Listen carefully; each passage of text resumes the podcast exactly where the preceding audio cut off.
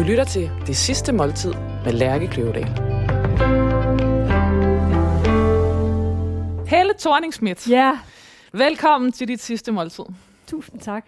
Tak fordi du vil være med. Det synes Tak. jeg er meget modigt. Ja, det er ikke det? Jo, det Jo. synes jeg faktisk, det er. Det, synes jeg altså, det, øh, jeg synes, det, det er alligevel lidt en stor ting at stille op til sit eftermæle. Ja, for man bliver også bedt om at tænke på, at man har et eftermæle, og at man ligesom ikke skal være her mere på et tidspunkt.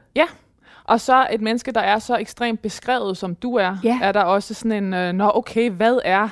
Øh, Hvad er essensen? Hvad kommer Ja. til at plukke i? Det har jeg også tænkt, at det fik du mig til at tænke på, faktisk. Ja, at, at hvad der egentlig vil gå ja. Igen, fordi at programmet er jo også, det er jo, ikke, øh, det er jo ikke min egen fri fantasi, jeg sidder og skrevet på, det er, det er artikler, der er skrevet om dig over årene, og øh, der kommer jo garanteret også til at være nogle, øh, nogle af de gentagelser, som du øh, måske har været træt af undervejs, Ja, øh, eller som du måske har lært at leve med at sige, ja, ved du hvad, det er faktisk meget fint, sådan, øh, sådan der. Ja.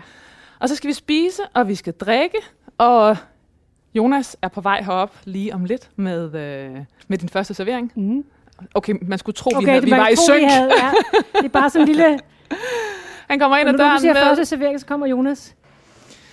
Jonas, det ser vidunderligt ud. Nej, det gør det altså. Det, det er jo en programklassiker Det må man sige. efterhånden. Ja. Og øh, der er ikke noget at sige til det. Det er noget af det mest fantastiske at starte sit måltid med. Østers og champagne. Og øh, det er nogle franske østers, der hedder Fine Claire, som jeg har valgt. Og øh, til det er der en citron, og der er den her klassiske mignonette, som er sådan en, en vinaigrette med skalotteløg. Champagnen er øh, tartanché, som er også sådan super Fantastisk. klassisk. Har du egentlig sådan champagne-favoritter? Eller, hvor- Nej, det har jeg ikke. Jeg finder nogle gange noget champagne, hvor jeg tænker, hvorfor kan alt smag, champagne ikke smage sådan? Ja. Øhm, men så glemmer jeg, hvad det er for noget, Ja. ja. jeg har drukket. Og nogle dage, så får man taget et billede af det, andre dage, så, og så kan man ikke huske det alligevel, når man lige står præcis. skal- Men det sker mest på en restaurant, hvor de siger det til en, og Ja. så tænker man, det må man lige huske. Ja. Og man så sidder man og tænker, hvorfor kan alt champagne ikke bare smage sådan? Fordi når det rammer rigtigt, ja. Ja. så er det f- vidunderligt. Og det, det, er- det Ja, har en nogle gange drikker man jo også billigere champagne. Der er lige præcis med noget, champagne, er der lidt også noget med prisen. Ikke? Der er noget med prisen, Det ja. er... Det er der altså. Ja. Skål. Skål. og velbekomme. Tak skal du have. Skål. Skal vi? Mm. Ej, hvor er det smukt. Øhm, Helle, forholder du dig til døden? Nej. Nej. Det gør jeg faktisk ikke. Det er ikke et del af dit, uh, dit begrebsapparat. Altså, det er ikke noget, jeg går og tænker så meget over, men så er jeg alligevel kommet til at tænke lidt over det her på det seneste. Øh, blandt andet i går, fordi mine døtre havde været over at gå tur på øh, Vesterkirkegård. Og så havde de været over det Røde Hav, der hvor der ligger så mange tidligere statsminister. Og så øh, spurgte de selvfølgelig, skal du også ligge der? Mm. Eller også var der noget, jeg sagde, de kan ikke lide at tale om, om mig, som ikke er her mere. Så sagde jeg, "Men der skal jeg også ligge.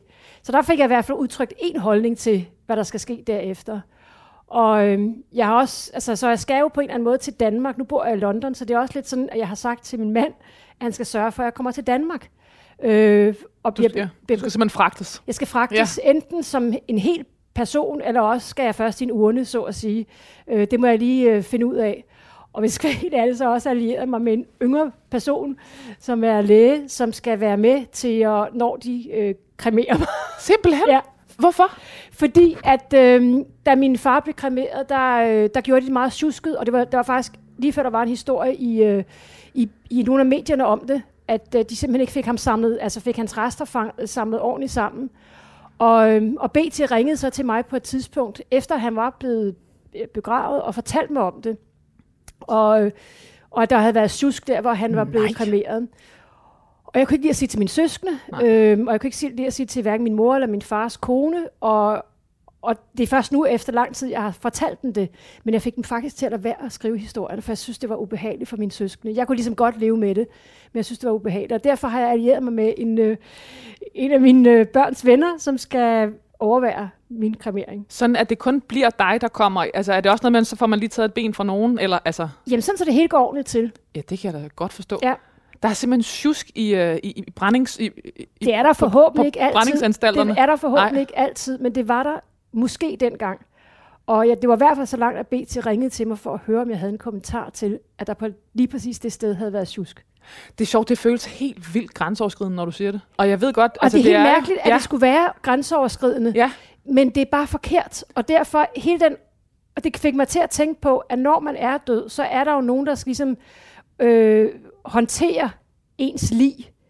Øh, og, og, og måske særligt fordi jeg er en, en kendt person, så vil jeg gerne have, at der er en med, som kan, kan hjælpe med at håndtere det, og derfor har jeg simpelthen, jeg har simpelthen bedt en yngre kvinde, som jeg kender rigtig, rigtig godt. Jeg har kendt hende siden hun gik i 8. klasse, så hun er blevet en voksen dame nu, øh, om at være behjælpelig med det. Og så må hun til London, hvis det skulle være. Det, men det er også meget tjekket lige at sætte øh, flueben ved den.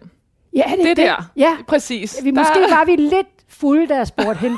Men jeg mener det alligevel, og vi har, vi kommer, altså, så, så, men det er, altså, det er noget, jeg lige har skænket en tanke. Ja, øh, og nu siger du, at øh, du skal begraves sammen med de andre statsministre. Det tænker jeg. Jeg ved ikke, hvordan man bliver det. Nej, altså det, det ligger vel. Der er vel ikke så mange andre aspekter. Altså. Nu har jeg sagt til dig, jeg tror så ikke, det sker automatisk. Nu er den ligesom lagt ud som ja. en føler. Så at du, tår det her igen. Du skal ja. hælde ned. Øhm, men det, jeg tænker på det, ved det, det er, at der jo også på den måde er hele sådan dit... Øhm, din offentlige person bliver jo så repræsenteret ved, at du skal begraves netop der, og ikke i, hvad vil jeg, et familiegravsted. Ja, eller, det har vi ja. heller ikke. Men jeg tænker, jeg, jeg har tænkt over det, fordi det betyder jo så for meget, så meget for mig, fordi jeg er jo ikke mere mm. på det tidspunkt. Men jeg tænker, at jeg på en eller anden måde også skal lade mig selv indskrive rigtig historien som Danmarks første kvindelige statsminister. Det skal være sådan, så mine børn kan gå derover med deres, øh, deres børn, øh, og måske deres børn igen, og sige, her ligger øh, Danmarks første kvindelige statsminister. Øh, var det ikke mærkeligt, at der først kom mm. en øh, efter alle de her i 2011? Hvorfor tog det så lang tid? Og um, diskutere, hvornår fik kvinderne valgret. Altså jeg vil gerne have, at der også er en app på min gravsteds, øh, gravsten, som der er på alle de andre, sådan så nogen kan, kan huske på, hvor lang tid det egentlig tog at få kvinder helt frem i forreste række. Forhåbentlig er det helt ændret på det tidspunkt, men øh, det, kan være, det er meget sjovt eller interessant at komme tilbage i historien. Så jeg er nok øh, besluttet mig for, at det skal være sådan.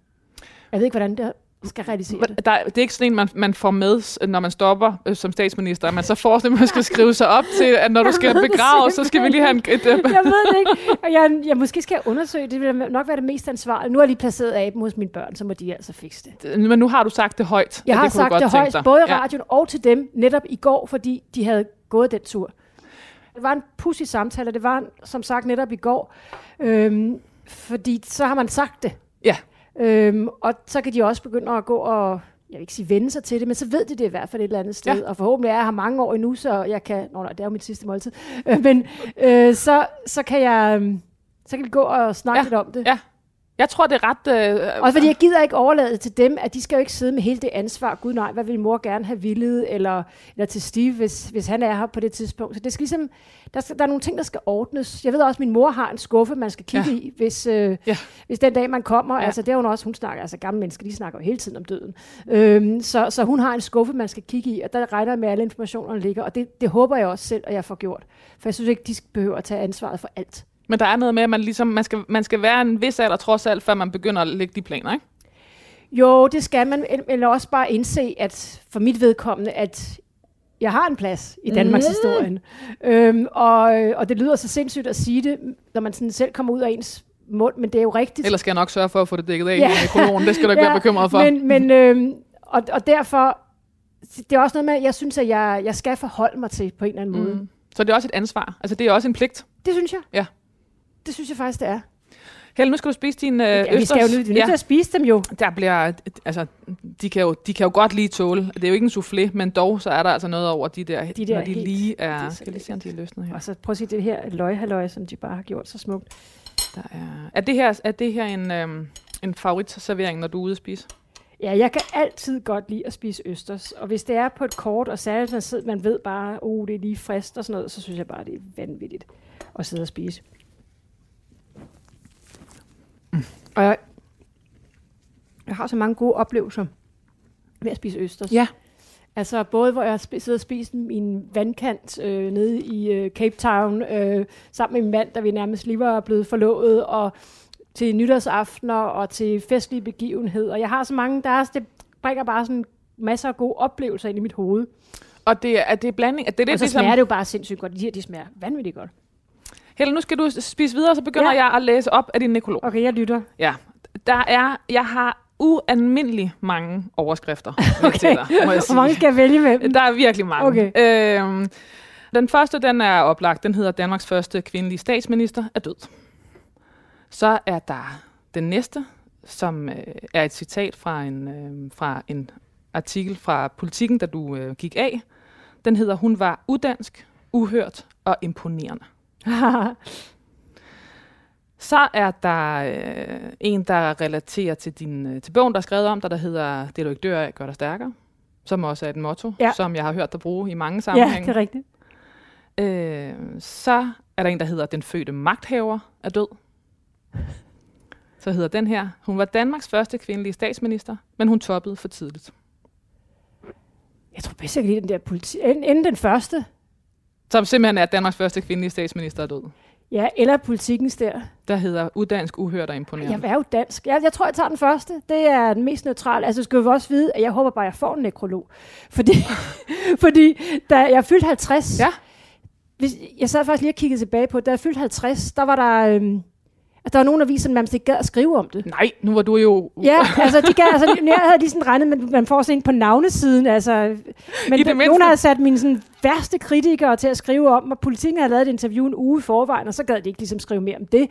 Altså, så jeg håber, altså først og fremmest håber jeg bare, at jeg får en nekrolog. Så jeg synes, Det er et den ydmygt ønske, synes Ja, jeg. et ydmygt ønske, ja. øhm, og, men jeg synes, den første er Ja. ja. god, fordi jeg føler mig slet ikke udansk. Jeg føler mig utroligt dansk, faktisk. Ja. Der er en, faktisk en aller sidste, der hedder her. Hun var kosmopolit i udsynet og Vestegn til benet.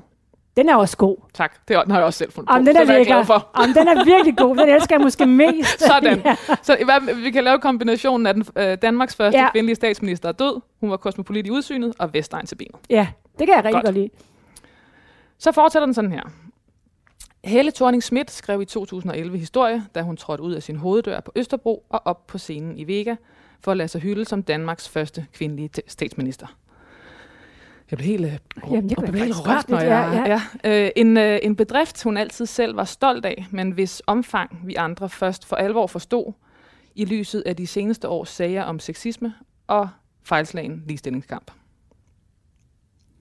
Forstår du, hvad der ligger i det? Fuldstændig.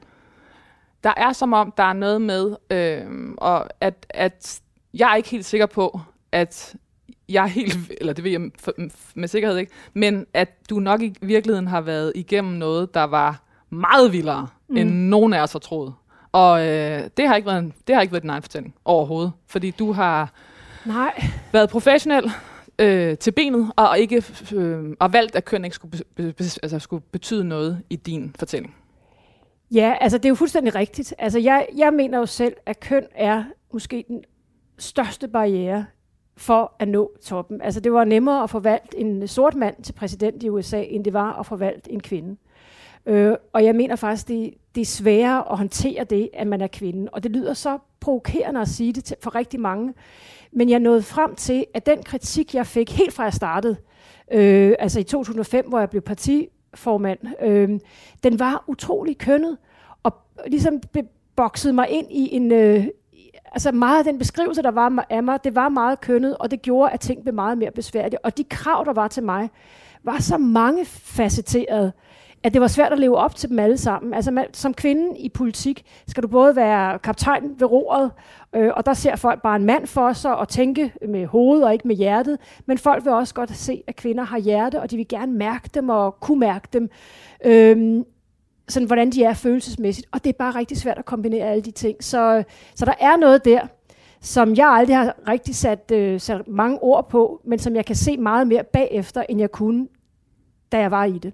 Og kunne du ikke se det dengang, eller, øh, eller valgte du at ignorere det? Jeg kunne godt se det, og dem omkring mig kunne også godt se det. Altså, de kunne godt se, at der var sådan en særlig energi omkring den måde, jeg blev beskrevet på. Altså, hvis jeg havde taget et par solbriller med til et møde, så var det fordi, jeg var mere optaget, optaget af, af lækre modesolbriller, end det, vi skulle diskutere. Og lige det er simpelthen sådan et symbol på, at jeg havde sikkert heller ikke forstand på det, vi diskuterede. Der har været masser af sådan, jeg vil sige, øh, hentydninger til, at man var en sådan lidt dum blondine, øh, frem for en, der Du er kunne... blevet kaldt ubegavet. Altså igen Jamen, og igen kaldt- på grund af Ja, dit... Øh, ja, altså, Ja, altså øh, masser af hentydninger til det, så, så der, det var en meget større barriere, end nogen udefra så.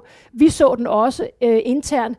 Vi brugte meget, meget lidt tid på at beskrive det, for vi kunne alligevel ikke gøre noget ved det, men jeg tror, hvis du spørger dem, som arbejdede tæt sammen med mig, så vil de også synes, at, øh, at køn øh, og mig som person øh, var, altså var, der var en svær barriere at trænge igennem. Og så kan man sige, at hvor vi i dag i hvert fald mere har fået en samtale, en, en kollektiv samtale, øh, og det kan godt være, at jeg primært snakker øh, København øh, og storbyfænomen. Men i hvert fald, der er jo en bølge, som ligesom, hvor du ikke alene sammen med dine øh, tre folk øh, ville være den, der registrerede, gud, det var da egentlig mærkeligt, ja. at blive sådan til. Der er et kor i dag, der siger, hey, hvorfor? Der var nogle ting dengang. Nej, men også ja. i samtalen i dag, ja. hvor man med det samme siger, sådan her, hvorfor snakker du sådan? Ja. Det her, det her det ord, gjorde, det går det gør man ikke. nu. Altså, og det gjorde man bare ikke. Det gjorde man bare ikke, og jeg kunne simpelthen ikke løfte den opgave selv. Nej. Øh, jeg kunne simpelthen ikke løfte folk, de sagde, øh, at jeg var en hysterisk kælling, eller en isdronning, eller... Øh, ja, eller det der med, at du var blevet det på trods, er også meget, på trods af, at du var en kvinde. Du bliver beskrevet som fin og syd, syd med en fil, silketråd, og, altså, ja. som jo ikke er noget, der ligesom øh, taler statesmanship øh, Nej, i, i ordenes... det er rigtigt. Og, og, og, og det, når jeg læser dem, fordi det er ikke det er ikke ondskabsfuldt skrevet. Det er også, nogle af dem er ekstremt sådan, komplementerende. Ja. Men, men det, stadigvæk så taler det, det, bare ind i små køn. ting, der bygger op. Sådan folk, der tog billeder af mine tasker selvfølgelig, og mine år, og mine ben er også blevet sådan fotograferet mm. øh, til pressemøder. Altså, der var bare så mange ting, og selvfølgelig skaber det, danner det nogle billeder i folks hoveder om, hvordan de skal se på mig. Og samtidig er vi alle, vi alle sammen har enormt meget køn i den måde, vi ser på andre mennesker. Altså vi kan simpelthen ikke se på et menneske og bare se et menneske. Vi ser altid, om det er en kvinde eller en mand. Øhm, og det skal vi jo langsomt lære, øh, eller aflære. Der er ikke noget, der er så svært som at aflære noget, man tror, man... man Vaner. Man, ja. ja. Så, så det er jo det, der er, og det var det, vi kom op mod. Og det, det er sjovt, du siger det, fordi vi havde simpelthen ikke et kollektivt sprog for at tale om det. Det har vi heldigvis nu, så når nogen siger et eller andet, øh, beskriver en kvinde som tøsfornærmet, eller hysterisk, eller hvad det nu kunne være, så har vi nu et sprog for at tale om det, men det havde vi ikke dengang, og man havde været meget sådan outlandish eller mærkelig, hvis man var begyndt at tale om det dengang, og der var ingen mulighed for, at jeg selv kunne tale sætte det. Fordi hvad var der så sket? Jamen, så var jeg jo bare blevet en, en klynke person og et offer, og havde påtaget mig offerrollen, og hvis man havde brugt dagens sprogbrug, var man jo krænkelsesparat og alt muligt andet. Så man kan ikke tale om det. Ligesom Barack Obama, ingen sammenligning i øvrigt, men Barack Obama, han kunne heller aldrig tale om de der, den der øh, touch af racisme, der var omkring øh, ham selv, men måske mest af alt Michelle Obama, øh, da de forsøgte at blive, øh, altså blive valgt første gang. Altså det var der bare. Øh, og det var der også omkring mig. Har du talt med dem om det? Nej, jeg har aldrig talt med dem om det, fordi jeg har mødt dem i situationer, hvor, altså, hvor han var præsident, men, men jeg kan se nu, det de selv begge skriver og taler om, øh, der tør de tale mere om det, men de kunne aldrig have talt om det dengang. Så der er simpelthen et eller andet, både ens eget perspektiv, hvor man, hvor man er nødt til lige at komme lidt, lidt Jamen, væk nej, fra, men du, hvad det, du kan aldrig selv tale om det. Altså fordi du vil jo gerne være en kandidat, som appellerer bredt. Jeg vil jo også gerne have, at jeg appellerede til, at mændene ville stemme på mig. Øh, og der kan du ikke begynde at snakke om feminisme. Altså jeg har jo altid været feminist, og jeg har også altid sagt det. Øh, det var også da jeg var statsminister og partiformand, i modsætning til så mange andre, eller alle andre statsminister, tror jeg. Øh, men det var alligevel ikke noget, man kan ikke gøre det til det eneste, man taler om, fordi så kan man ikke få for dem i tale, som man gerne vil have i tale, og som man gerne vil have, skal stemme på en. Jeg fortsætter sådan her. Helle Thorning var en uforfærdet, moderne kosmopolit, en del af den internationale elite, men samtidig Vestegns pige til benet. Hun fangirlede på dem, hun havde lyst til, fra Sarah Jessica Parker over Obama til Tessa, og var svær at sætte i bås, selvom de fleste gjorde forsøget. Ja, det er meget. Jeg fangirlede ikke på nogen af dem, men... Øhm. jeg tror, at jeg, jeg, jeg mener øh, selfie-kulturen. Ja, ja, ja, ja, men det, ja, jeg synes, der er så meget. Men det, jamen, det kan jeg meget udmærket øh, lide. Hvad, hvad kunne være et andet ord for fangirl? Jamen, jeg synes, det er så småt. Altså, jeg synes, ja. det er, i, i, i, et langt liv, så synes jeg, det er ret ligegyldigt at have Sarah Jessica Parker med. Altså, det, I, i, I rullen? Ja, det vil jeg sige, ja, det vil jeg sige. Det vil være en meget lille ting, og, og Tessa jeg elsker hende, men måske også lidt, lidt lille, og jeg fangirlede ikke på Obama, så, så nej, egentlig synes jeg ikke, det skal med. Ud den, vi ja. fyrer den. Men Vestegnsby til, øh, til benet, og et, en del af ja, den internationale elite. Ja, men jeg er jo også meget københavner. Altså, jeg er, boet, øh, jeg er født og opvokset i Ishøj, jeg er født i Rødovre Center, men jeg er også meget københavner, og, øh, og det føler jeg mig måske lige så meget som, som, som Vestegns pige. Det, som jeg, det, jeg synes er allervigtigst at forstå, ikke bare mig, men om hinanden, det er, at man kan godt være mange ting på én gang. Altså, jeg er fra Vestegn, jeg er københavner, jeg er måske også lidt, jeg er første, integration, første generations øh, københavner, fordi hele min familie er jyder. Øh, altså både min søster og min bror, min mor og min far, de kommer fra Jylland, som virkelig jyder alle sammen. Øh, så jeg er også første generations københavner, og så er jeg europæer, øh, og så er jeg selvfølgelig også en global borger, som befinder mig rigtig godt øh, med et, sådan et globalt borgerskab. Så som jeg er mange ting på en gang, og, og pointen er nok, at man kan rumme det hele. Og er det også pointen, da du var statsminister, at det er sværere at kommunikere, fordi alt er over, altså en skarp overskrift. Altså det der med, med nuancerne. Jamen, alle kan jo godt lide at putte mennesker i bås og sige, så er du sådan. Nå, så er du en Vestegns pige. Altså ja, det er jeg, men så alligevel ikke. Fordi jeg er også en københavnsk kvinde, og jeg er også en dansker, som befinder mig godt i hele Danmark. Øhm, og jeg kan også rigtig godt lide Sverige, jeg kan rigtig godt lide resten af Europa, og jeg kan godt lide at arbejde sammen med de kolleger, jeg har i USA, og jeg var rigtig glad for at være i Red Barnet, hvor jeg var sammen med folk fra hele verden. Så, så hvor, hvor hører man så til? Og derfor kan jeg egentlig heller ikke engang særlig lide det der kosmopolit, for det betyder nærmest, at man er fra ingen steder. Mm. Øh, men jo mere jeg er, for eksempel bor i London, jo mere bliver jeg dansk. Øh, så, så der er ikke noget danskhed, der er blevet taget ud af mig fordi jeg også har været sammen med rigtig mange fra andre lande. Så egentlig er jeg ikke specielt vild med det der kosmopolit heller. Hvad er moderne? Jeg forsøger at være moderne. Altså jeg forsøger at forstå på den måde, at jeg forsøger at, at følge med i, hvad der sker, og hvilke diskussioner, der rører ungdommen for eksempel, og, og hvad der ligesom sker både kulturelt og mest i musikken, og hvad der sker i verden, og hvilke diskussioner, der rører på sig. Så jeg forsøger virkelig at, at være moderne. For det værste, jeg kunne forestille mig, det var at blive sådan forstokket, øhm, og ikke følge med, og ikke være, være en del af det, den udvikling, der foregår. Jeg ville have at være sådan en, som, som ikke turde følge med. Fordi, fordi, hvad betyder det for dig, eller hvad gør det, det ved dig? Det betyder, at man øh, står stille, ja. og som sagt, jeg er vildt optaget af, at, at hvis man skal være en del af den moderne verden, eller have en samtale med også generationer, der er yngre end en selv, som er meningsfyldt, så skal man nogle gange kunne, øh, aflære sig noget af det, man tror, man ved. Mm. Øh, alle mennesker går rundt med en helt klar viden om nogle ting, øh, og det allersværeste det er at aflære sig det, man tror, man ved. Og, og hvis man ikke prøver at prøve det, så, øh, så tror jeg meget, at man står fuldstændig stille, og, og så kan livet blive rigtig, rigtig langt, hvis man ikke prøver at være med på, hvad der egentlig foregår. Som politiker udviste Helle thorning Schmidt en enestående evne til at modstå pres og tage imod kritik, også når den var personlig, sexistisk og urimelig. Men som politiker formåede hun aldrig at skabe de alliancer, der kunne bringe hende det sidste stykke. I stedet gjorde hun i nederlagets øh, stund øh, brug af en af sine styrker, hendes sans for timing. Hun gik fra toppen. Og det, hele den her, det er, en, det er et rent citat fra, øh, også fra politikken, fra da du, da, da du gik af. Øh, Jakob Nielsen igen, der har skrevet det her i 16. Hvad, hvad tænk, hvordan tænker du med den analyse? Øhm, jeg synes ikke, den er særlig fed. Nej. Altså, øhm, fordi jeg skabte de alliancer, der skulle til for at kunne skabe forandring i Danmark øh, i de øh, knap fire år, jeg var statsminister. Og det gjorde jeg faktisk også, før jeg var øh, statsminister som formand, så lavede vi også nogle fantastiske ting for Danmark. Blandt andet øh, en stor velfærdsaftale, som, øh, som til den dag i dag redder dansk økonomi. Så jeg synes faktisk, at jeg, selvom jeg kom udefra, godt kunne finde ud af at skabe de alliancer, som var nødvendige for at skabe forandring. Øhm, så... Og så er der det her med at gå fra øh, øh, øh, have styr på timing og gå på toppen. Ja, det er sådan lidt spøjs valg. Det, kan jeg, det er jo sådan set rigtigt. Øh, men det gjorde jeg, øh, og det, det er meget fedt at tænke på, for jeg kunne godt have blevet. Vi havde fået et rigtig godt valg. Socialdemokratiet havde fået et rigtig godt valg, faktisk det bedste valg i mange, mange år. Øh, så vi kunne godt, jeg kunne godt have blevet som formand og, og kæmpet mig tilbage, og det tror jeg faktisk godt, jeg kunne have gjort, også fordi det gik så dårligt med Lars Lykke som statsminister.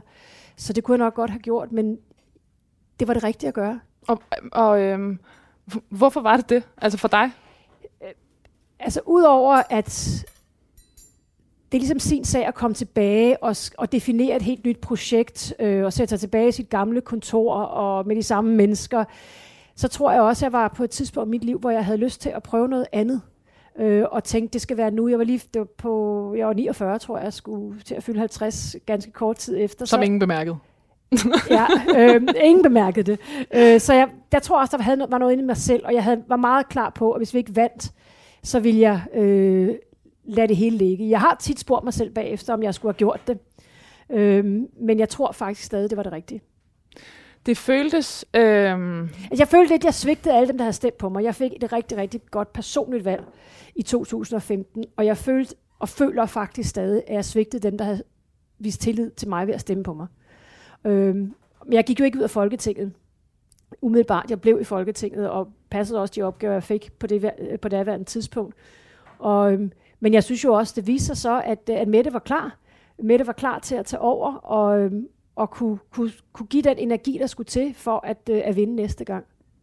Nej, prøv at se det. oh la la. Ej, det er da skønt, det her var.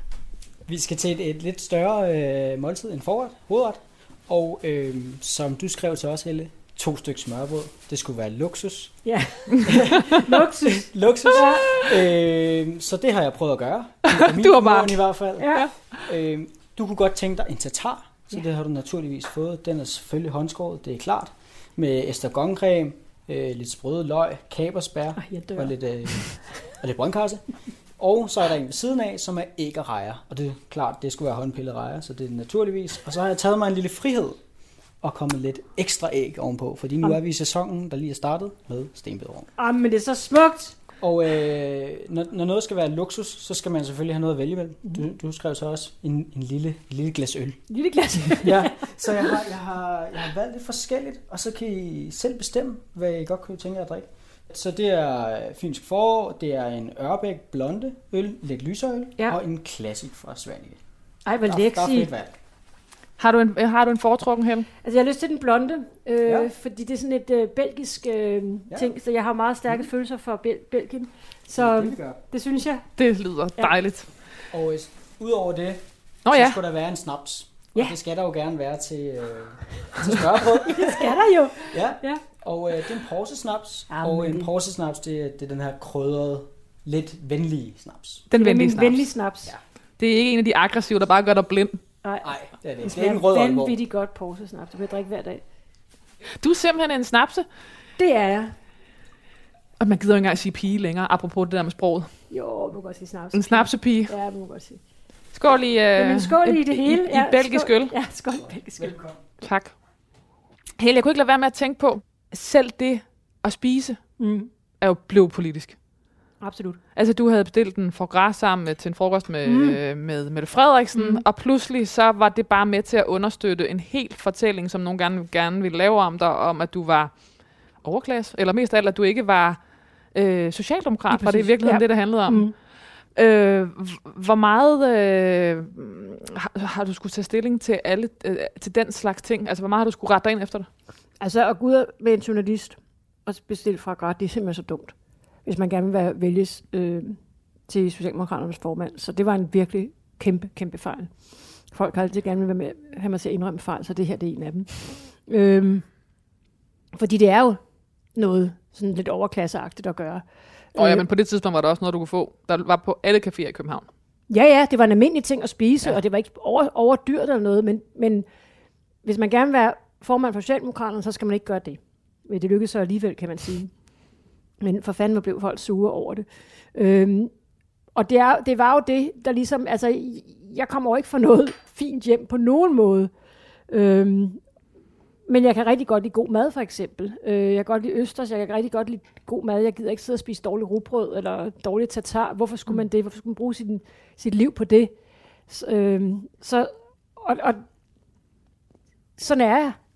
Og, og det skinner selvfølgelig også igennem, og det gør, i følge de der gamle stereotyper, så gør det måske en mindre socialdemokratisk. Altså, og udover det, så er jeg jo en, altså lidt en tredje rang socialdemokrat på den måde, at jeg ikke er født ind i en socialdemokratisk familie. Jeg, øh, mine forældre var ikke socialdemokrater. Jeg har ikke været medlem af DSU, siden jeg var 14 år. Jeg meldte mig meget sent ind i Socialdemokratiet, og på den måde er jeg i forvejen sådan lidt suspekt socialdemokrat, fordi at jeg først så sent tog stilling til at melde mig ind i, et, øh, i partiet.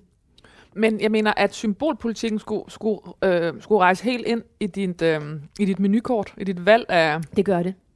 Og sådan er det bare. Ja. Så det er en... Altså, det var lige før, jeg ikke gad bestille smørbrød i dag, fordi så var der nogen, der kunne sige, at nu skal hun igen lyde som en socialdemokrat.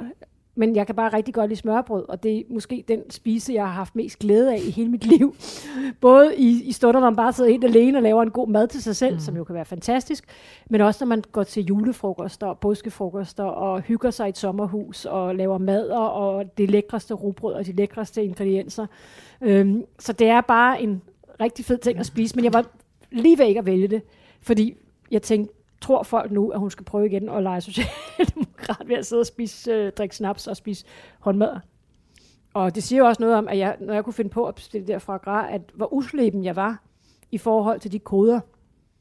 Øhm, også fordi jeg selv virkelig har sådan, at jeg prøver, ikke, jeg prøver at være så lidt fordomsfuld som overhovedet muligt. Øhm, altså virkelig tage folk fra, øh, for, hvad de siger og hvad de gør. Det er noget af det, jeg gør mig allermest umage med at hvis man møder nogen, skal man ikke tro, at de er på en bestemt måde, bare fordi de ser ud på en bestemt mm. måde. Og, øhm, og derfor ligger det mig meget fjernt, at ens, det man spiser har noget at gøre med ens politiske holdninger. Jeg vender lige tilbage til, øh, til, til den bid af nekrolon, som vi, øh, som vi talte om, før, øh, før Jonas kom med den dejlige smørbrød. Ja. Og det var det her med at, øh, at gå for tidligt, øh, eller gå øh, på det perfekte tidspunkt. Altså, at, at, at du gik på toppen. Jamen, jeg ville da gerne have vundet. En, vandt. Jeg vil gerne have vundet. jeg vil gerne have vundet øh, igen, og jeg ærger mig virkelig også over, at det ikke lykkedes. Øh, og jeg har mange sådan, øh, ting, jeg gerne ville have lavet anderledes i forhold til, at det skulle have lykkedes. Det kunne det også godt. Øh, så jeg vil gerne have vundet en gang til og haft en anden, en ny øh, periode som statsminister i Danmark. Også fordi jeg tror, jeg var blevet bedre fordi man er forhåbentlig bedre på den sidste dag, end man er på den første. Og i hvert fald bedre, øh, da jeg havde været statsminister i fire år, det var den første dag, jeg trådte ind i statsministeriet. Så jeg tror, jeg blev rigtig god i de sidste fire år, næste fire år. Øh, men det var også vigtigt for mig, at, at ikke at hænge fast i posten. Altså jeg synes også, der er et eller andet fedt ved at turde slippe sig selv fri. Jeg havde været 10 år formand, mere end 10 år formand for Socialdemokratiet. Jeg tror også, der var en vis træthed. Jeg var lidt træt af dem, de var lidt træt af mig, øhm, selvom vi havde haft et så fantastisk valg. Så det var et dilemma. Skal man gå på toppen, eller skal man blive? Jeg føler egentlig nu, det var godt, at jeg satte mig selv fri. Jeg kan huske, jeg, jeg arbejdede på Deadline på det tidspunkt, mm. øh, og dækkede valg derfra. Og øh, vi vidste det jo ikke. Altså, vi vidste det jo simpelthen ikke. Øh, vi, vi stod samlet der i kontrolrummet, da du gik op på scenen. Mm. Og øh, og, og øh, der, at det var jo en, det var jo ekstremt følelsesladet, ja. øh, også for os, der så med. Ja. Øh, også fordi, at ofte så plejer der alligevel at være lægget en eller anden melding, eller der er noget, der ligesom er, er sevet, ja. og måske var vi bedre eller dårligere forberedt end, end, end andre, det, det tvivler jeg på. Men, øh, men vi vidste simpelthen ikke. Nej.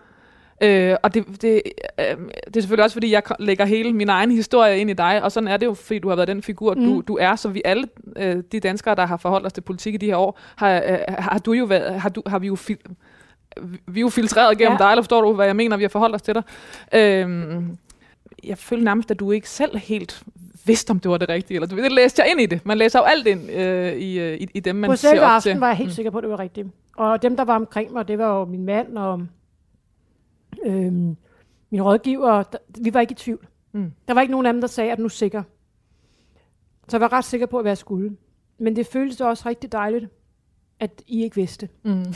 Det føles nemlig som, at jeg, jeg selv traf beslutningen. Og jeg tror ofte, det er det, der er vigtigt, hvis man skal komme videre. Jeg kender også masser af kvinder, som, eller mænd også for den sags skyld, hvis man bliver afskedet, eller hvis man ikke føler, føler, man selv har kontrol over sin egen skæbne, så, øh, så, bliver det rigt, så bliver det meget, meget sværere. Men jeg følte for, faktisk, fordi jeg ikke havde fortalt til nogen, fordi der var ingen, der vidste, at jeg selv havde kontrol over det. Og det giver, det er meget sådan, øh, det er kraftfuldt at have kontrol over sin egen skæbne. Hvad gjorde du altså om, på aftenen? Jeg gjorde, øh, jamen først og fremmest, så man skal igennem mange ting. Først så skulle jeg sige det til alle dem i salen, og det var meget følelsesladet. Og, og, vi, og folk græd, og folk var chokeret, og Øh, så går vi jo direkte over i en partilederrunde, øh, så man skal ligesom igennem, og det var jo også voldsomt. Det, det, der var så mærkeligt ved det, det var, at vi faktisk havde vundet valget. Altså, Socialdemokratiet var ubetinget det største parti. Øh, hver fjerde af danskerne havde stemt på, af dem, der stemte, havde stemt på Socialdemokratiet. Øh, vi havde fået et kanon godt valg. Personligt, det vidste jeg ikke på det tidspunkt, men vi regnede med, at jeg også personligt havde fået et rigtig, rigtig godt valg. Så det var måske, altså det var, det var et meget, det var et højdepunkt. Og så var det det her, så det her lidt af en, et, et andet sted at, at gå ud. Så vi lavede partilederrunden, det skal man så igennem, og først derefter, og der er klokken jo i to eller sådan noget, så kan man tage hjem, og der tog jeg hjem øh, på Østerbro, hvor jeg boede dengang, sammen med min nærmeste rådgiver og Steve, og så satte vi os i køkkenet og øh, drak os fulde. og øhm, fandt alt, der var i kælderen, whisky og alle mulige ting. Altså jeg skulle så op klokken syv, fordi jeg skulle i, øhm, der findes noget, der hedder altså presse lotion, tror jeg. Der er sådan et møde, der bliver beholdt dagen efter, så det skulle jeg rent faktisk op til. Og fordi jeg er så pligtopfuld, så kunne jeg ikke engang finde ud af at sige, det gider jeg da ikke. Jeg behøver da ikke komme til du det. Du behøver overhovedet ikke. Nej, det behøver jeg overhovedet ikke, men jeg kan simpelthen ikke finde ud af det. Strejf, tanken strejfer mig ikke, at jeg bare kan trække mig i hegnet ja. og sove længe. Så, så det kunne jeg slet ikke finde ud af. Det, det strejfer mig simpelthen ikke. Så jeg stod troligt op. Jeg, vi tog sov en time og tog derind. Og, og hvordan var det ligesom i, i kroppen? Altså? Det var meget mærkeligt. Øh, der, man kører sådan lidt på, sådan, at det, man skal gøre det, man skal gøre. Øh, men det var først, da jeg så kom ind i statsministeriet samme dag, fordi jeg er jo stadig statsminister. Fungerende statsminister? Ja, ja, fordi der er ikke nogen ny regering, Nej. og det kunne godt være, det varede jo også ret lang tid, fordi Lars Lykke skulle øh, danne sin regering og skulle igennem flere forskellige øh, forhandlinger, og også flere dronningerunder. Så var jeg stadig statsminister, så tog det faktisk direkte over i statsministeriet. Øhm, og, og det var en mærkelig ting at komme ind i statsministeriet og ligesom kramme de mennesker, jeg var tæt på, fordi man bliver også tæt på mange mennesker i statsministeriet, eller det, man arbejder sammen med. Og så sætte mig ind i mit kontor og tænke, okay, så er det det. Og så må der komme et eller andet vakuum bagefter. Altså, øhm... Jamen, det var vanvittigt. Altså først, først og fremmest, så skulle jeg være statsminister i 14 dage øh, endnu, så jeg skulle til møde i Bruxelles, altså europæisk rådsmøde, møde mine, mine kolleger dernede. De, det var også dejligt, der fik man dejlige krammer, fordi de vidste jo godt, at jeg var på vej ud, men de var jo helt vildt søde. Øh, og så er der selvfølgelig dagen hvor man tager op til dronningen og øh, overdrager øh, og, og tager hjem. Og der var jeg hverken partiformand, for det havde vi også holdt, holdt vores afsluttende kongres, og, og Mette var øh, blevet valgt. Og der tog jeg så hjem, blev kørt hjem den sidste gang af min chauffør og livvagter, som jo også var med. Så sætter de en af uden for en dør, og vi krammede hinanden, og det var, det var virkelig sørgeligt. Jeg tror også, at vi fældede en tårer øh, alle sammen. Det er en virkelig mærkelig situation. Og så går man ind bag døren derude, i, øh, hvor jeg boede, lukker døren, og så er der stille. Så er der fuldstændig stille. Og øhm, så er der ingen, der ringer mere. Og dem, man arbejder sammen med i statsminister, der er ingen, der ringer. Der er fuldstændig stillhed. Og det er en mærkelig situation. Din funktion er simpelthen udskiftet? Fuldstændig. Jeg kan huske, jeg har hørt et interview med dig, øh, hvor du sådan meget rørende beskriver netop sådan en nat, hvor du tager hjem fra mm. Jazz House, hvor øh, Altså, jeg husker det som om nærmest både din cykel går i stykker, og det begynder at regne. Det var frygteligt. Så du ligesom står i den der, den, altså midt i København. Ja. Øh. Cyklen gik ikke i stykker, men det begyndte at regne rigtig meget. Jeg var simpelthen gennembødt fra inderst til yderst. Jeg kan huske, at jeg stod der på Østerbrogade, og det var også lidt sjovt. Man kan jo være se det, se det sjove i situationen. Så jeg kiggede op mod Gud, og tænkte, jeg har forstået det. jeg har forstået det. Jeg er helt nede på jorden nu. og hvad, hvad, hvad tror du, han vil have dig til at forstå, altså, hvis du bliver den? Øh, jamen, det er jo det, er det her med, at man er humble, som man siger på engelsk. Altså, man er, man er nede på jorden, og man starter lidt forfra. Og der er kun én vej, det er at trykke i pedalerne for at komme videre. Og, og det var lidt den besked, jeg fik. Jeg ved ikke, om det... Altså, det var bare den besked, jeg fik fra oven, fordi det bare stod ned i stænger, og jeg var rigtig gået ud, rigtig kæk, i sådan en tynd sommerkjole og sandaler og hele baduljen Øh, regntøj, jeg aner ikke, hvad det, hvad det var. Altså, så, så jeg stod bare der på Østerbrogade og havde den der fornemmelse. Øh, Marie K., hun har skrevet en fantastisk sang om det, som jeg er fuldstændig vild med, og nærmest ikke kan høre, uden jeg begynder at græde. Øh, fordi jeg fortalte hende historien. Og, øh, og det var bare en, det var, det var lidt sjovt også, for jeg kunne godt se det morsomme i, at jeg, jeg stod der midt om natten på Østerbrogade, men, men det havde også en betydning.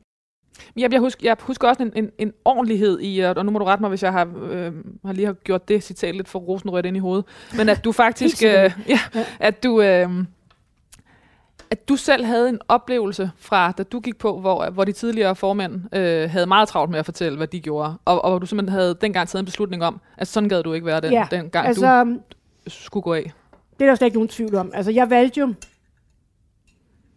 jeg valgte jo at pålægge mig selv tavshed i forhold til min efterfølger. Altså i forhold til, hvis de ville ændre politik, eller kritisere noget af det, vi havde gjort, øh, hvad de bestemt også har gjort. Altså, hvis de ville gøre det, så ville jeg prøve at lade være at reagere på det. Fordi jeg var så træt af, at Paul og Mogens og Svend Augen, da han levede, og Rit, øhm, havde så mange holdninger til, hvordan jeg skulle være formand, hvordan politikken skulle være, og hvordan jeg skulle være statsminister, og hvad der var godt og skidt. Jeg var dødtræt af det. Jeg havde ligesom, jeg kørte i en bil, og så havde jeg fire på bagsædet, som sad og råbte og skreg. Øh, nogle gange så var nogen, der faldt lidt i søvn, men så var der nogle andre, der tog over. altså, jeg havde det virkelig sådan. Øhm, Helvedes tur. Ja, jeg, jeg, synes ikke, det var, jeg synes ikke, det var særlig fedt. Øhm, og derfor besluttede jeg mig for, at jeg gad ikke være den person. Jeg gad ikke være sådan en, en af dem, der sad på bagsædet og havde gode råd. Jeg kunne have gjort det hver dag, hvis det var det, jeg synes var sjovt. Men jeg synes ikke, det er god stil. Øh, og noget, jeg virkelig går op i, så er det god stil.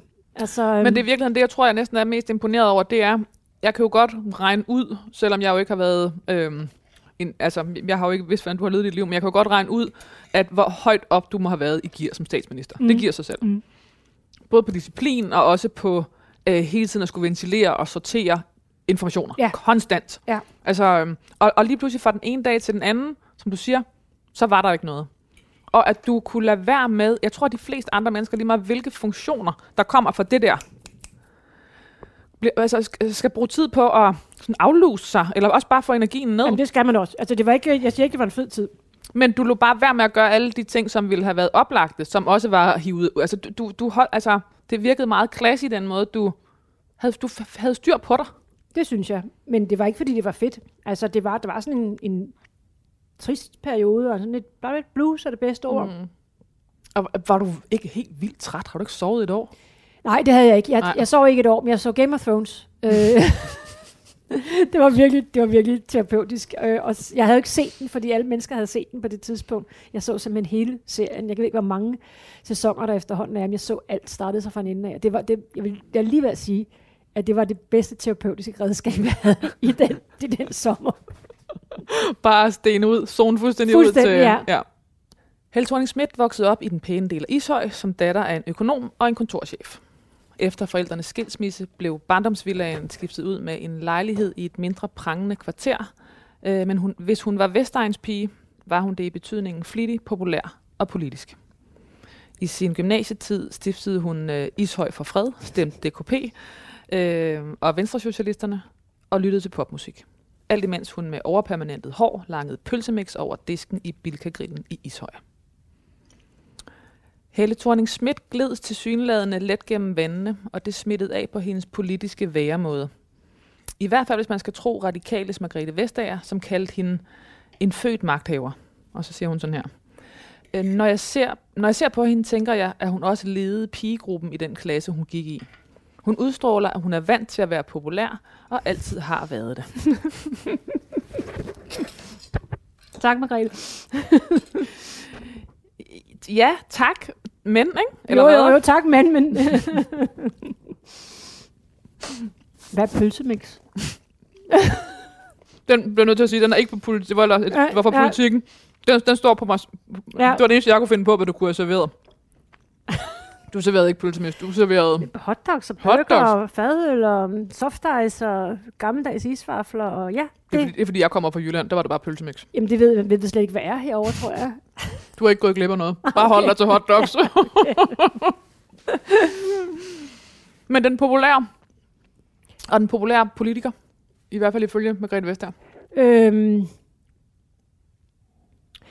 altså det er jo, øh, altså meget af det der er jo rigtigt, øh, hvad du siger. Øh, jeg har altid gerne vil bestemme. Og jeg har altid, øh, når, jeg, når jeg tænker tilbage på mit liv, så kan jeg se, at lige siden jeg gik i, var meget lille og gik i folkeskolen, har jeg altid gerne vil bestemme ting. Og, og være sådan, dem, der bestemte i klassen, altså var klassens leder. Mm. Øhm, og jeg var i elevrådet, og jeg lavede et elevråd, da jeg kom på gymnasiet, og lavede Ishøj for fred sammen med nogen, og altså bestemt rigtig meget. Og øhm, så den, på den måde, så har jeg altid været en leder. Lad os, lad os blive afbrudt af den her. Lad os, jeg skal prøve at gøre det så smooth som muligt. Det er desserttid, og øh, som Helle skrev til os, det skulle være noget med chokolade. Ja. I hvert fald. Og øh, det, det kunne være i alle retninger, som jeg kunne forstå det. Det ja. kunne være fyldte chokolader, det kunne være... Jeg har øh, prøvet at komprimere så meget chokolade, jeg kan. Det er godt. I en dessert. Så det er en chokoladekage, det er en chokolademus, og det er en chokoladeis. Jamen altså, sådan der. Jeg sagde også noget med triple chocolate ja, det, der, var der, der var triple, ja. ja, præcis. Og lidt kaffe. Tak. Fedt. Det er så smukt. Godt, velkommen. Ej, hvor smager det godt. Ja, det smager faktisk skide godt. Det smager sygt godt. Og det er også, den er ikke for kold. Den skal ikke være for kold. Den er aromatisk og Ej, blød. godt. Ja. Helle Thorning læste statskundskab ved Københavns Universitet, og da hun under et studieophold ved College of Europe i Brygge fik sin anden mastergrad i statskundskab, meldte hun sig ind i Socialdemokratiet. Efter fem år som medlem af Europaparlamentet blev hun i 2005 valgt ind i Folketinget, og kun få dage efter annoncerede hun sit kandidatur til Socialdemokratiets formandspost. Posten vandt hun samme år i et kampvalg mod Frank Jensen. Ikke siden Stavning havde Socialdemokratiet haft så ung en formand. Magtmennesket Helle Thorning foldede sig ud. Det æder med et vildt ryg. Ja, Og bare sige, Nå, så gør jeg det, og så kunne jeg godt, så, så kunne det ikke være meget fedt med at blive Ja. formand, og så, øh, ja, det, øh, det skulle du. ja.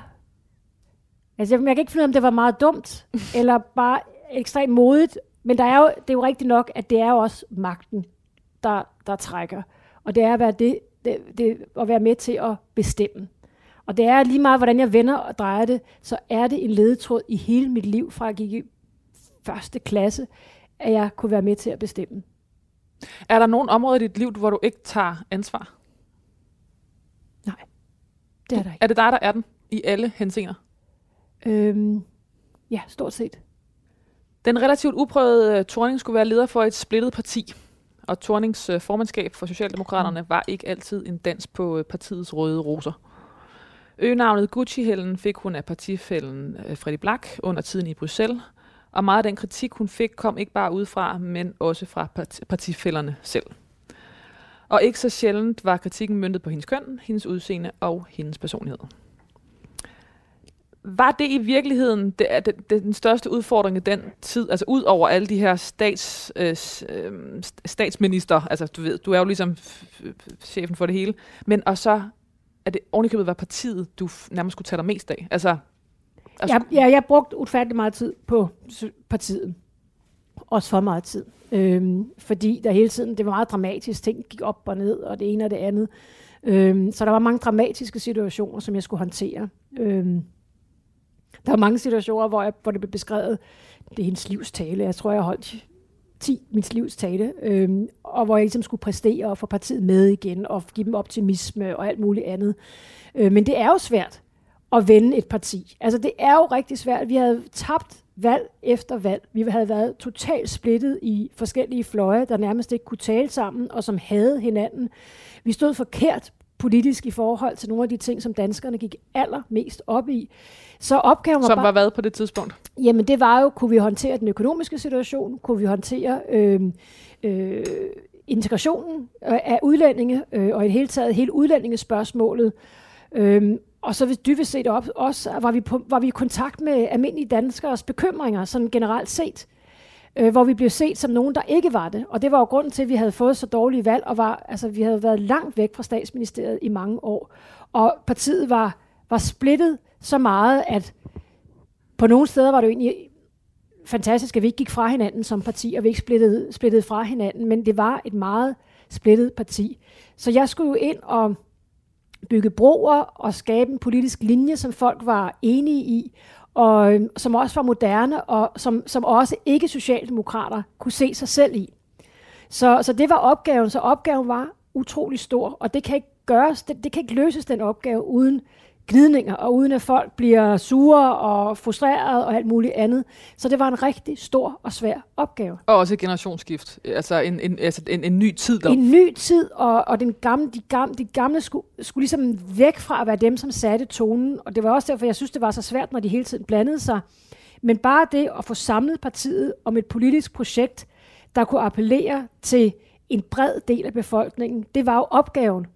Og, og det skulle lykkes, øh, og det, det lykkedes jo så også. Og hvis jeg skal sige noget, jeg er allermest stolt af, så jeg håber, det kommer med i min nekrolog, så er det jo faktisk, at det lykkedes for mig at samle Socialdemokratiet, gøre os valgbare igen, indtage statsministerposten, vise befolkningen, at vi kan godt det her, sådan så det også bliver muligt nu med Mette igen.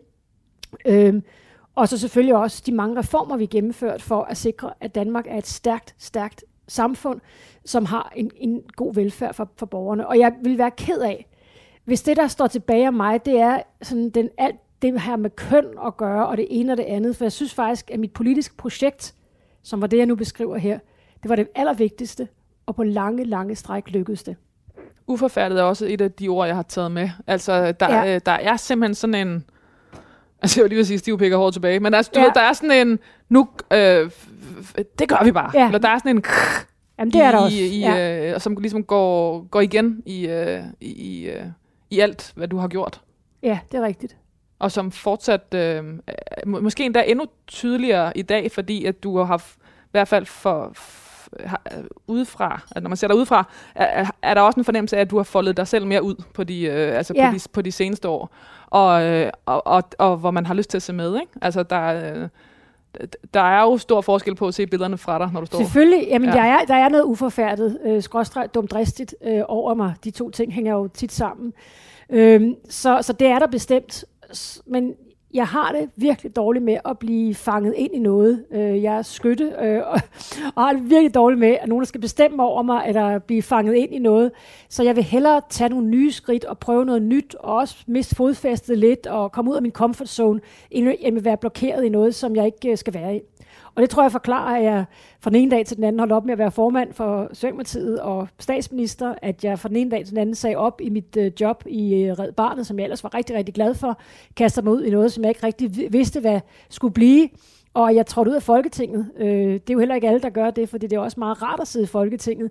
Men det gjorde jeg faktisk, øh, og gav selvfølgelig også afkald på min, øh, min ministerløn og alt muligt andet, for at lave nogle andre ting. Så, så jo, der er noget uforfærdet, fordi jeg, jeg kan ikke klare at være bundet af noget. Jeg vil have total frihed. Efter sit øh, exit som statsminister blev hun direktør for Red Barnets internationale organisation, og blev der udråbt som den 14. bedste leder øh, i verden af det amerikanske magasin Fortune. Det gav de hjemlige men- meningsdatter grund til at spekulere i, om de, vi, danskerne, i virkeligheden havde undervurderet cafépigen fra Ishøj. ja. Hvordan føltes det? Jamen, det føles totalt fedt. Altså, det jeg, altså, jeg, jeg synes, det var rigtig dejligt. Jeg vidste, jeg opdagede det ikke lige selv, men så begyndte folk at skrive til mig, øh, venner, som, som opdagede det. Og det synes jeg var rigtig sjovt, faktisk. Øhm, og der, det, det var jo også lidt spøjst, at det skulle tage så lang tid.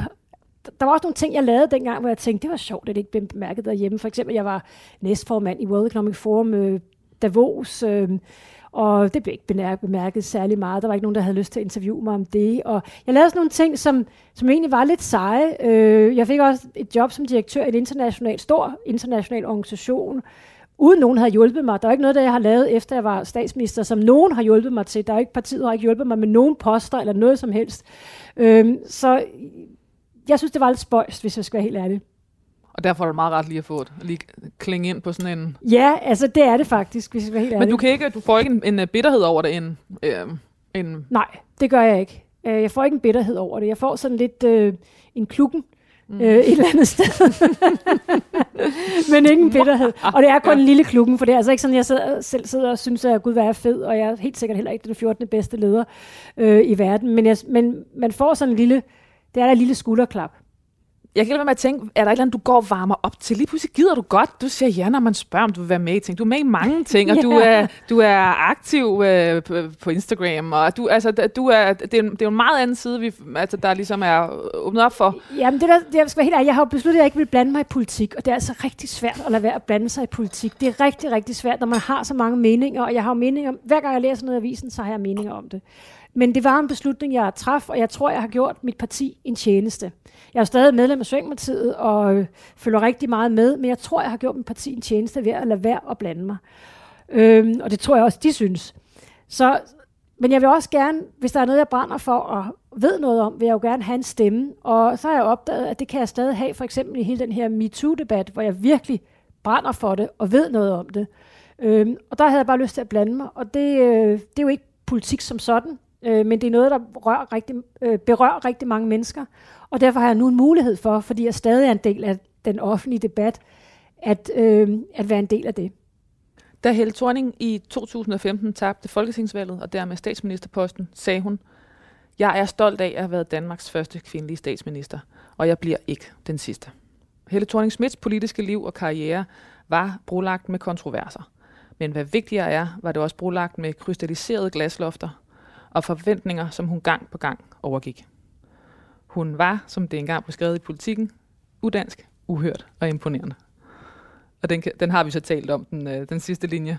Men øh, de krystalliserede glaslofter og forventningerne, som du gang på gang har, er, har overgået. Ja.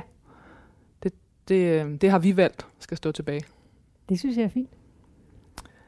Helle thorning Schmidt øh, efterlader sig sin mand, Stephen Kinnock, og døtrene Joanna og Camilla. Ja. Æret være hendes minde. Uh, jeg er ked af det. ja. Det er fint. Sådan er det jo. Var der noget, du gerne vil have med? Er der noget, vi mangler? Øhm, altså nu har jeg så selv sagt det, for jeg tænkte, du ville glemme det. Øhm, så jeg har allerede sagt det, og jeg, jeg kunne godt tænke mig, at mit, øhm, mit politiske livsværk også bliver en del af mit eftermæle. Fordi jeg kan godt mærke nu, at øh, der er rigtig mange, der gerne vil tale om at være kvinde, og det er også vigtigt, det er rigtig vigtigt at, at bryde glasloftet, og hvad der ligesom var af bump på den vej. Og jeg synes, det er helt vildt vigtigt, fordi vi er slet, slet ikke i mål med det. Men jeg kunne godt tænke mig, at den anden del også kom med. Og jeg lavede jo for eksempel, øh, vi lavede sådan en udsendelse med alle, de, alle øhm, tidligere statsminister og nuværende statsminister, som var på Marienborg, det var Danmarks Radio, der lavede det. Og det var en rigtig fin udsendelse, men jeg følte selvfølgelig også, at jeg blev bokset ind, som at skulle tale om, om køn rigtig meget. Hvor de andre fik lov til at tale om deres øh, politiske, øh, de ting, de var stolte af politisk, og hvad de selv havde været med til at udrette, så fik jeg lov til at tale om noget andet. Og det var jo igen irriterende. Så jeg kunne godt tænke mig, at øh, mit politiske projekt også blev beskrevet. Og det er noget med det her med at få samlet Socialdemokratiet, få os gjort valgbart, for vælgerne til at have tillid til os på de der helt vigtige områder, skat, økonomi, udlændinge, øhm, og få gennemført nogle reformer, der gør, at Danmark selv efter den økonomiske krise var et langt stærkere samfund, end da vi gik ind i det. Øh, det interesserer mig også, at vi fik færre fattige børn øh, i min regeringstid, fordi vi blevet fremstillet som meget, meget højorienteret, som ikke gjorde noget, gjorde noget godt for, for de dårligt stillede mennesker. Men det gjorde vi. Så jeg kunne godt tænke mig, en, at det politiske projekt også stod klare i min øh, nekrolog. Helle Thorning, hvad skal der stå på din gravsten? Får man valg? Nej, du må så helt frit vælge. Du må. øhm, der skal stå... Øhm, Altså, jeg, jeg veksler lidt mellem to ting, fordi noget af det, som jeg altid har gået op i, det er at, at være en god repræsentant for mit land, og være en god tjener for mit folk. Øh, og det, øh, det lyder så højstemt, når man siger det, men når man er statsminister, bliver man faktisk lidt grebet af, at jeg er tjener. Jeg er øh, en, der skal gøre det bedste for hele det danske folk. Og man kan få blive grebet af nogle gange, når man er statsminister. Det er jo ikke så tosset. Øh, så det kunne enten være sådan, tjene sit folk, eller det kunne også bare være, hun gjorde sig umage. Altså noget af den stil, øh, jeg tror, det er det første, det er nok lidt for pompøst, og jeg hader pompøse ting.